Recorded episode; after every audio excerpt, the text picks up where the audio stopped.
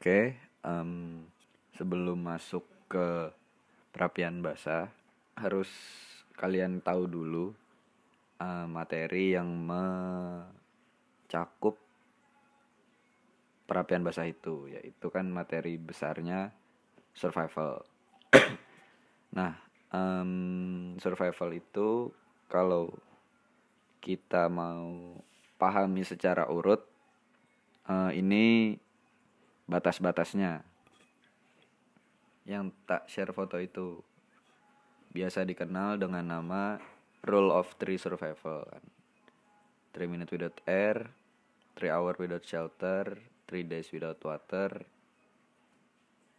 Ada yang bilang 3 weeks ada yang bilang 13 30 day without food cuman nggak apa monggo dipahami sini-sini cuman um, itu dasar-dasar yang harus diketahui untuk survival. Nah, kemudian karena bahasan kita itu perapian basah, pertama mau tak jelasin dulu si perapian basah ini masuk ke uh, segmen yang mana. Nah, untuk perapian basah itu um, itu akan masuk ke segmen 3 hours without shelter. Nah, jadi harus dipahami dulu ini uh, tiga tiga lainnya tak skip, tak fokusin dulu ke yang ini. Nah, jadi shelter ini tolong dimaknai secara luas jadinya ya. Jadi shelter nggak cuman bahas tentang mungkin bivak atau dom atau mungkin bangunan yang ada di gunung misal yang kita ketemu atau misal kita ke alam bebas kan ah, nggak uh, ada bangunan di situ mungkin pakai pivak alam akar pohon atau dan segala macamnya tolong dibat apa namanya dipahami uh, nggak hanya sebatas itu. Jadi um, yang dimaksud sama three hour without shelter di sini itu itu lebih ke tempat perlindungan atau apa pun itu yang bisa uh, melindungi kita di alam bebas. Salah satu contohnya ya bivak seperti itu. Jadi di sini uh, pengertiannya adalah three hour to dark shelter itu tiga jam tanpa perlindungan. Maksudnya adalah kita bisa survive atau kita bisa bertahan maksimal adalah tiga jam tanpa perlindungan dengan kondisi alam yang sangat ekstrim. Katakanlah uh, hujan badai besar atau uh, suhu yang terlalu dingin. Um, kondisi alam yang punya ancaman tertentu seperti binatang mungkin atau dan segala macamnya lah. Nah jadi um, shelter di sini dimaknai sebagai media kita berlindung maksimal 3 jam seperti itu. Nah, kenapa perapian basah ini juga atau perapian secara umum masuk ke dalam shelter karena perapian merupakan uh, upaya kita untuk berlindung atau melindungi diri. Sebelumnya mungkin udah dibahas soal fungsi perapian. Itu ada salah satunya juga ya untuk media kita mendapatkan panas seperti itu. Untuk kita bisa juga memasak kita manfaatkan memasak kita gunakan asapnya untuk um, menandakan bahwa ada aktivitas di sana misal menghindari hewan buas juga bisa asapnya mengusir hewan buas dan sebagainya. Nah itu yang diartikan sebagai uh, perapian sebagai media pelindungan. Makanya dia masuk ke dalam uh, shelter. Nah oke okay, di bab shelter ini akan kita bahas lebih spesifik ke uh, perapian basah. Nah ini akan tak batasi pembahasannya. Nah yang pertama berkaitan sama poin kedua akan tak um, apa namanya tak jelaskan jadi satu. Mengapa harus membuat perapian? Atau mengapa harus membuat perapian dalam keadaan basah. nah, um, seperti yang tadi juga tak sebutin salah satu fungsi dari perapian. Nah kenapa kita harus membuat perapian? Kalau misalkan kita berkegiatan di alam bebas itu sebenarnya sangat um, sangat sangat opsional. Maksudnya kalian boleh kalian juga tidak. Maksudnya kalian boleh bikin kalian boleh enggak. Tergantung kebutuhan dan juga uh, kebiasaan mungkin. Kalau misalkan yang tak rasain sampai saat ini cuman uh, karena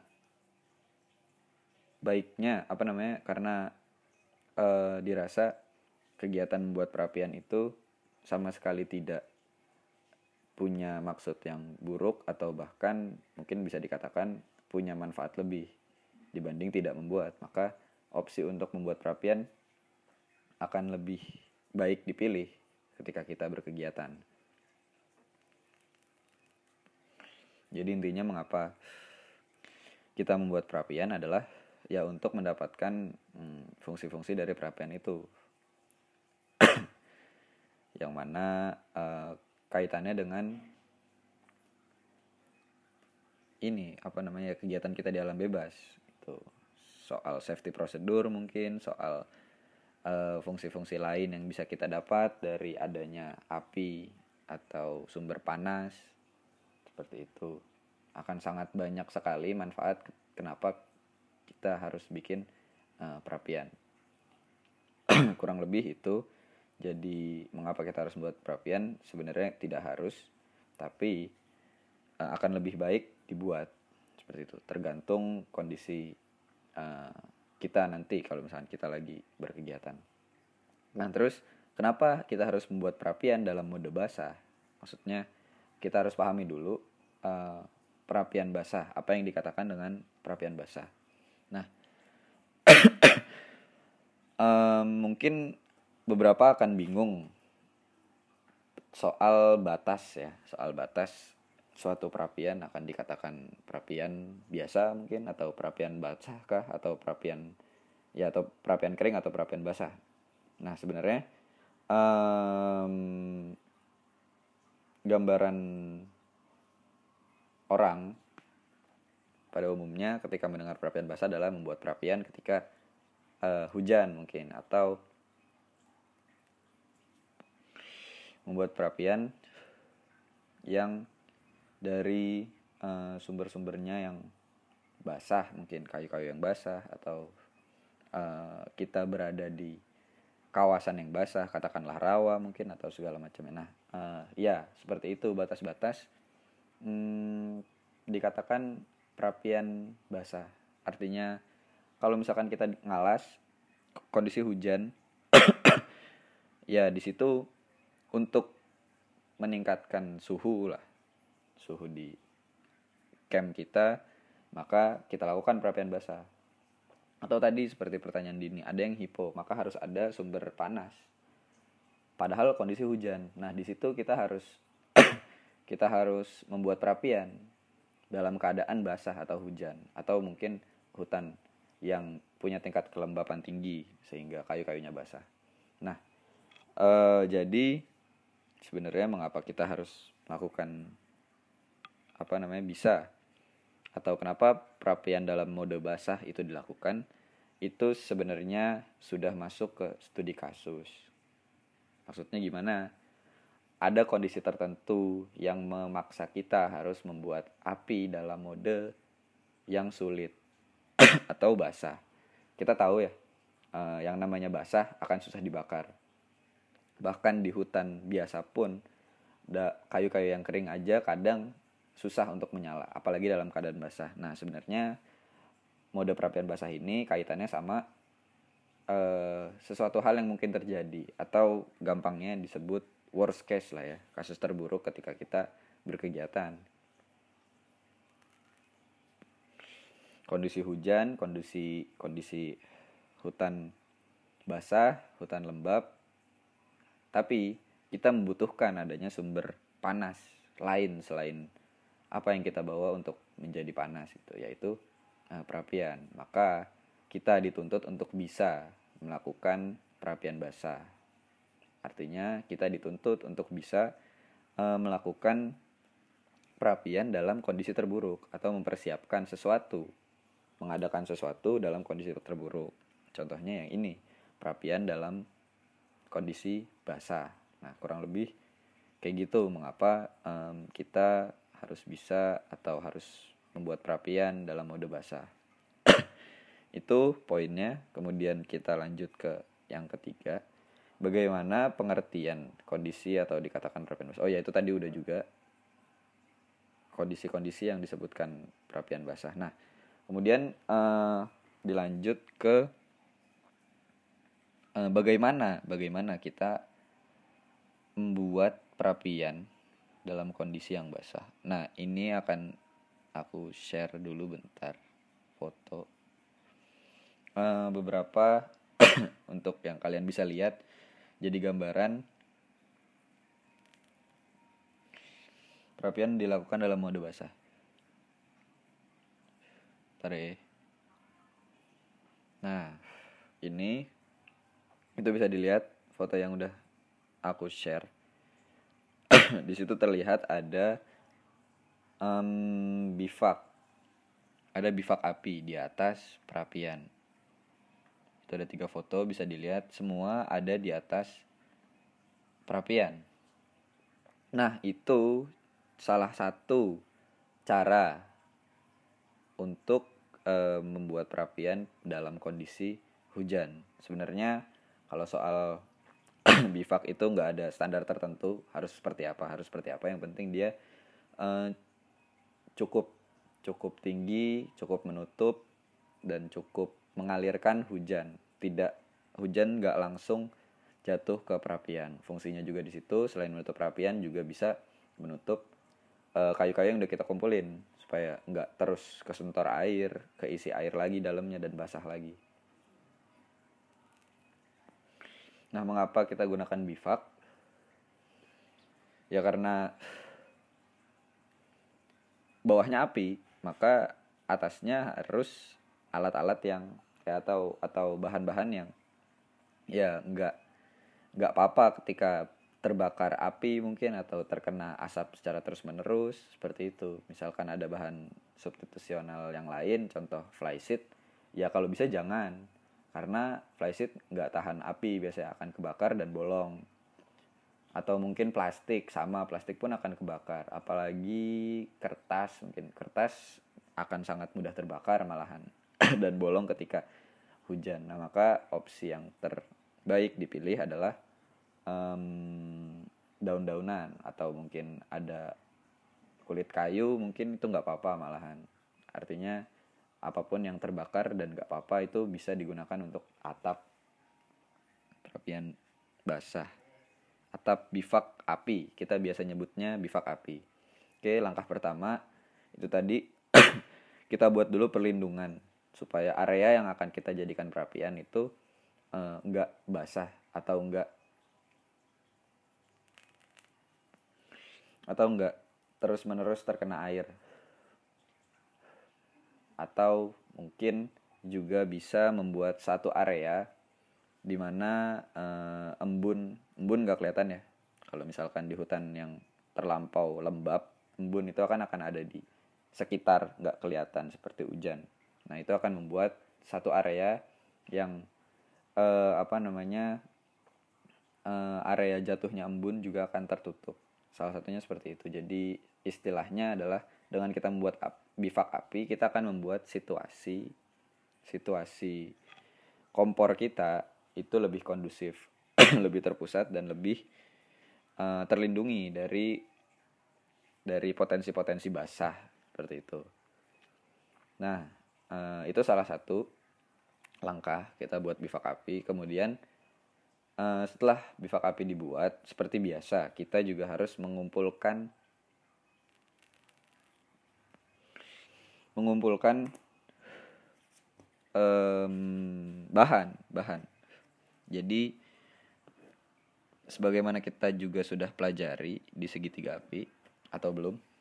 Kalau belum ini tak jelasin. Jadi ada teori tentang segitiga api yaitu full atau bahan. Tinder atau uh, pemantik. Yang ketiga air atau udara atau ruang. Nah jadi api akan terbentuk ketika tiga ini terpenuhi. Nah dari bahan karena ini kasusnya basah maka bahan yang kita punya akan basah. Apa yang harus dilakukan? Membuat itu uh, tidak basah terlebih dahulu. Gimana caranya? Bahan-bahan itu uh, normalnya normalnya akan basah di bagian luar atau bagian kulit. Kalau memang itu kayu kering lah ya. Kayu kering punya dimensi yang cukup besar itu akan basah di bagian kulitnya. Sehingga kita harus copot dulu kulitnya. Karena kalau misalkan kita paksakan kulitnya yang basah kita taruh seperti biasa kita bikin api itu akan memperlambat uh, si kayu itu terbakar. Seperti itu.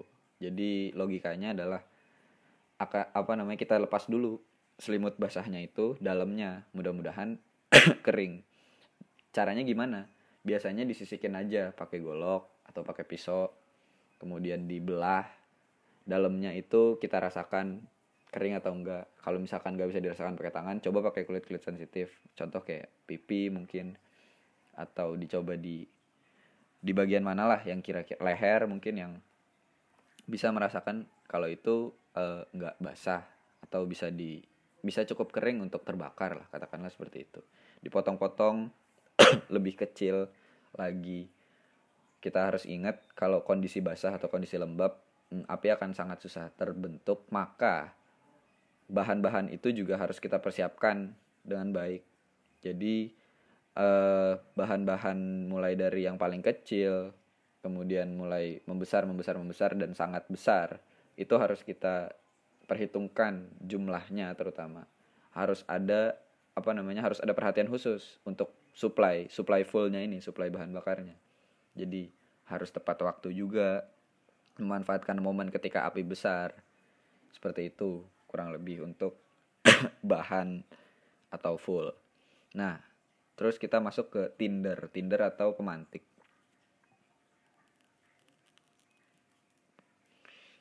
Nah pemantik ini seperti kita tahu pemantik ini bisa daun-daunan kering atau uh, mungkin serabut-serabut bisa juga ilalang-ilalang kering atau ranting-ranting yang sangat kecil yang mudah terbakar. Nah, Tinder ini di perapian basah punya peran yang sangat penting. Kenapa? Karena api akan sangat susah membakar kayu yang besar. Harus ada panas yang cukup dulu untuk mengeringkan kayu besar atau kayu yang dimensinya lebih besar.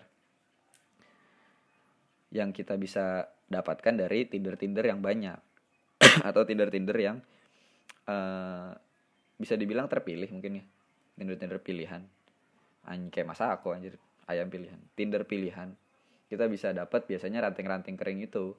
Meskipun dia luarnya basah uh, dia akan lebih mudah terbakar. Ranting-ranting kering atau mungkin sering ketemu kayak batang kayu yang isinya kopong. Nah itu akan sangat mudah terbakar juga. Terus juga daun-daun ilalang ilalang itu juga akan lebih mudah terbakar juga. Terus kayak misal daun palem yang kering di pohon. Nah itu di apa namanya di semua di pretelin semua di di apa namanya? dicopot-copotin supaya kering. Kibas-kibas dulu nggak apa-apa itu dijadiin satu akan lebih mudah terbakar akan lebih ada hentakan api di situ istilahnya mah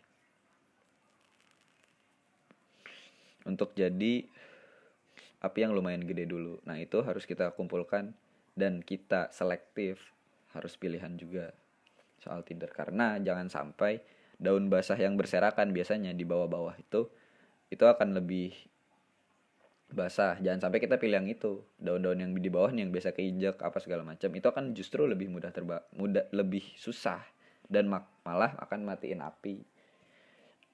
nah, matiin api dari mana dari sumber yang kita bawa misalkan kayak lilin atau apa pun itu parafin ketika tertutup daun basah itu akan lebih mati malahan lebih cepat mati. Maka Tinder pun di sini uh, pemilihannya harus lebih teliti lagi. Treatmentnya terhadap Tinder pun juga lebih khusus. Nah itu dulu soal Tinder. Jadi kita full Tinder dan Air. Nah ini juga jadi penting. Kenapa? Karena um, kita tahu kalau misalkan air itu bisa menghalangi oksigen atau apa namanya atau udara yang masuk karena air itu melekat pada bahan-bahan kita maka eh, rongga-rongga yang kita buat juga harus sangat diperhatikan supaya api bisa menyulut bahan-bahan lainnya terbakar dan dan dan jadi dan jadi perapian kita. Nah, di sini yang biasanya sering uh, latah orang. Latah maksudnya gimana? Tinder kita taruh, api kebakar gede, taruh semua tek tek tek tek tek, akhirnya ketutup. Ketutup dan akhirnya di situ nggak ada jalan angin untuk apa uh, api berkembang. Yang ada malah mati. Akhirnya bongkar lagi, nyalain lagi, begitu lagi diulangi. Nah, itu yang sering terjadi di lapangan. Karena latah ngeliat api gede, akhirnya nggak sabaran semua tumpuk, ketutup dan anginnya atau nggak ada udara di situ nggak ada rongga udara. Api nggak bisa hidup dan mati. Nah itu uh, tentang segitiga api. Nah kemudian uh, dan begitu juga bagaimana uh, perapian basah bisa kita upayakan. Seperti itu. Kita upayakan untuk menyala. Nah uh, jadi poin pentingnya di perapian dan perapian basah itu lebih ke treatment lebih ke treatment ketelitian kita di situ timing kita untuk masukin bahan-bahannya kepekaan kita juga terhadap uh, pemilihan bahan kemudian menaruh tiap-tiap bahan itu sehingga bisa terbakar memperhatikan celah ruang anginnya. Perapian basah itu uh, erat kaitannya sama itu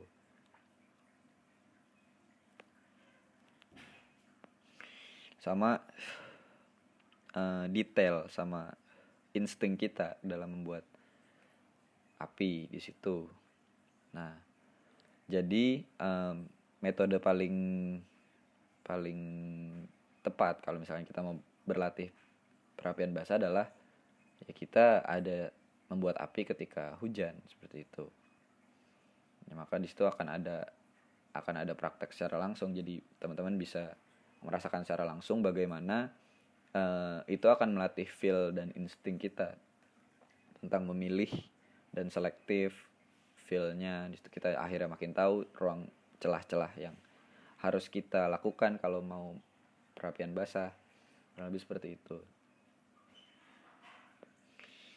Nah ini sebenarnya uh, yang tak sampaikan itu mungkin dicatat di be di beberapa literasi. Cuman yang tak sampai ini uh, ini berdasarkan pengalaman pribadi aja. Dan apa yang diajarkan turun temurun di Garba. Karena um, literasi tentang perapian basah pun ya ya minim. Bahkan literasi tentang kegiatan alam bebas yang bahas survival aja uh, menurutku sendiri minim. Aku cuma pernah baca satu buku yang dikasih sama ya senior kita dulu dan itu bahasa Inggris susah. Aku sendiri nggak terlalu senang baca itu karena di bahasa Inggris sebenarnya. Nah jadinya uh, apa yang tak bagi ke kalian ini um, kurang lebih berdasarkan pengalaman pribadiku selama berkegiatan. Nah terus uh, di perapian basah pun kita sebenarnya punya pilihan untuk akhirnya kita ngekat atau kita akhirnya memilih untuk kita off perapian seperti ap, apa namanya uh, kondisi seperti apa yang bisa kita uh, simpulkan untuk mengkat perapian atau kita memberhentikan perapian? Ketika kondisi kita membuat api itu lebih berbahaya dibanding kita membuat api. Contoh uh, hujannya bener-bener lebat angin kencang. Kalau misalkan kita ada di luar shelter yang kita buat atau kita bawa shelter buatan yang kita buat itu lebih berbahaya ada di luar. Maka akan lebih bijak kalau kita di dalam shelter saja tidak membuat api. Itu satu.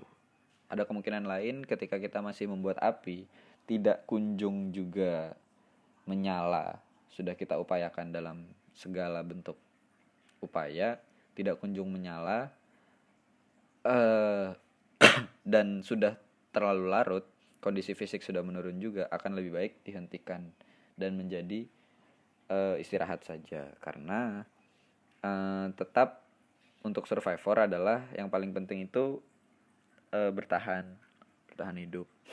Nggak melulu membuat api menjadi pilihan. Bisa diganti dengan yang lain. Intinya lebih ya balik lagi ke itu ke insting lagi kita harus bikin decision menjadi decision maker yang bagus ketika di hutan menganalisis kondisi-kondisi yang akan terjadi kemudian menyimpulkan apa yang harus dilakukan. Contohnya bisa kita ambil dari uh, perapian basah ini. Karena ya itu tadi yang tak jelasin di awal perapian basah itu adalah kemungkinan terburuk yang harus kita pelajari kita persiapkan untuk menghadapi uh, apa namanya alam yang sesungguhnya kurang lebih kayak gitu. Nah uh, itu tentang perapian basah